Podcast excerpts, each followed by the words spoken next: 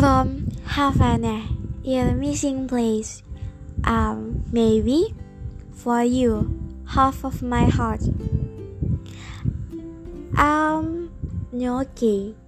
I often imagine something strange, and almost my days are spent in front of the phone screen.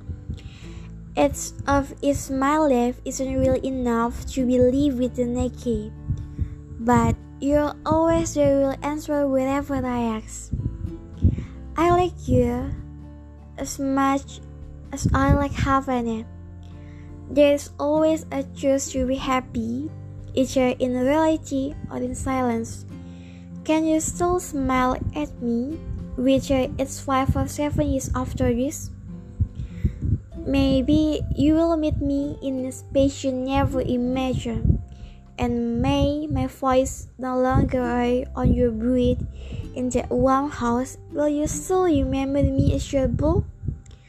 At least you can hear me instead of just cursing what I want. Don't forget to reply to my letter, okay? Greetings from me when me miss you in my blue sky.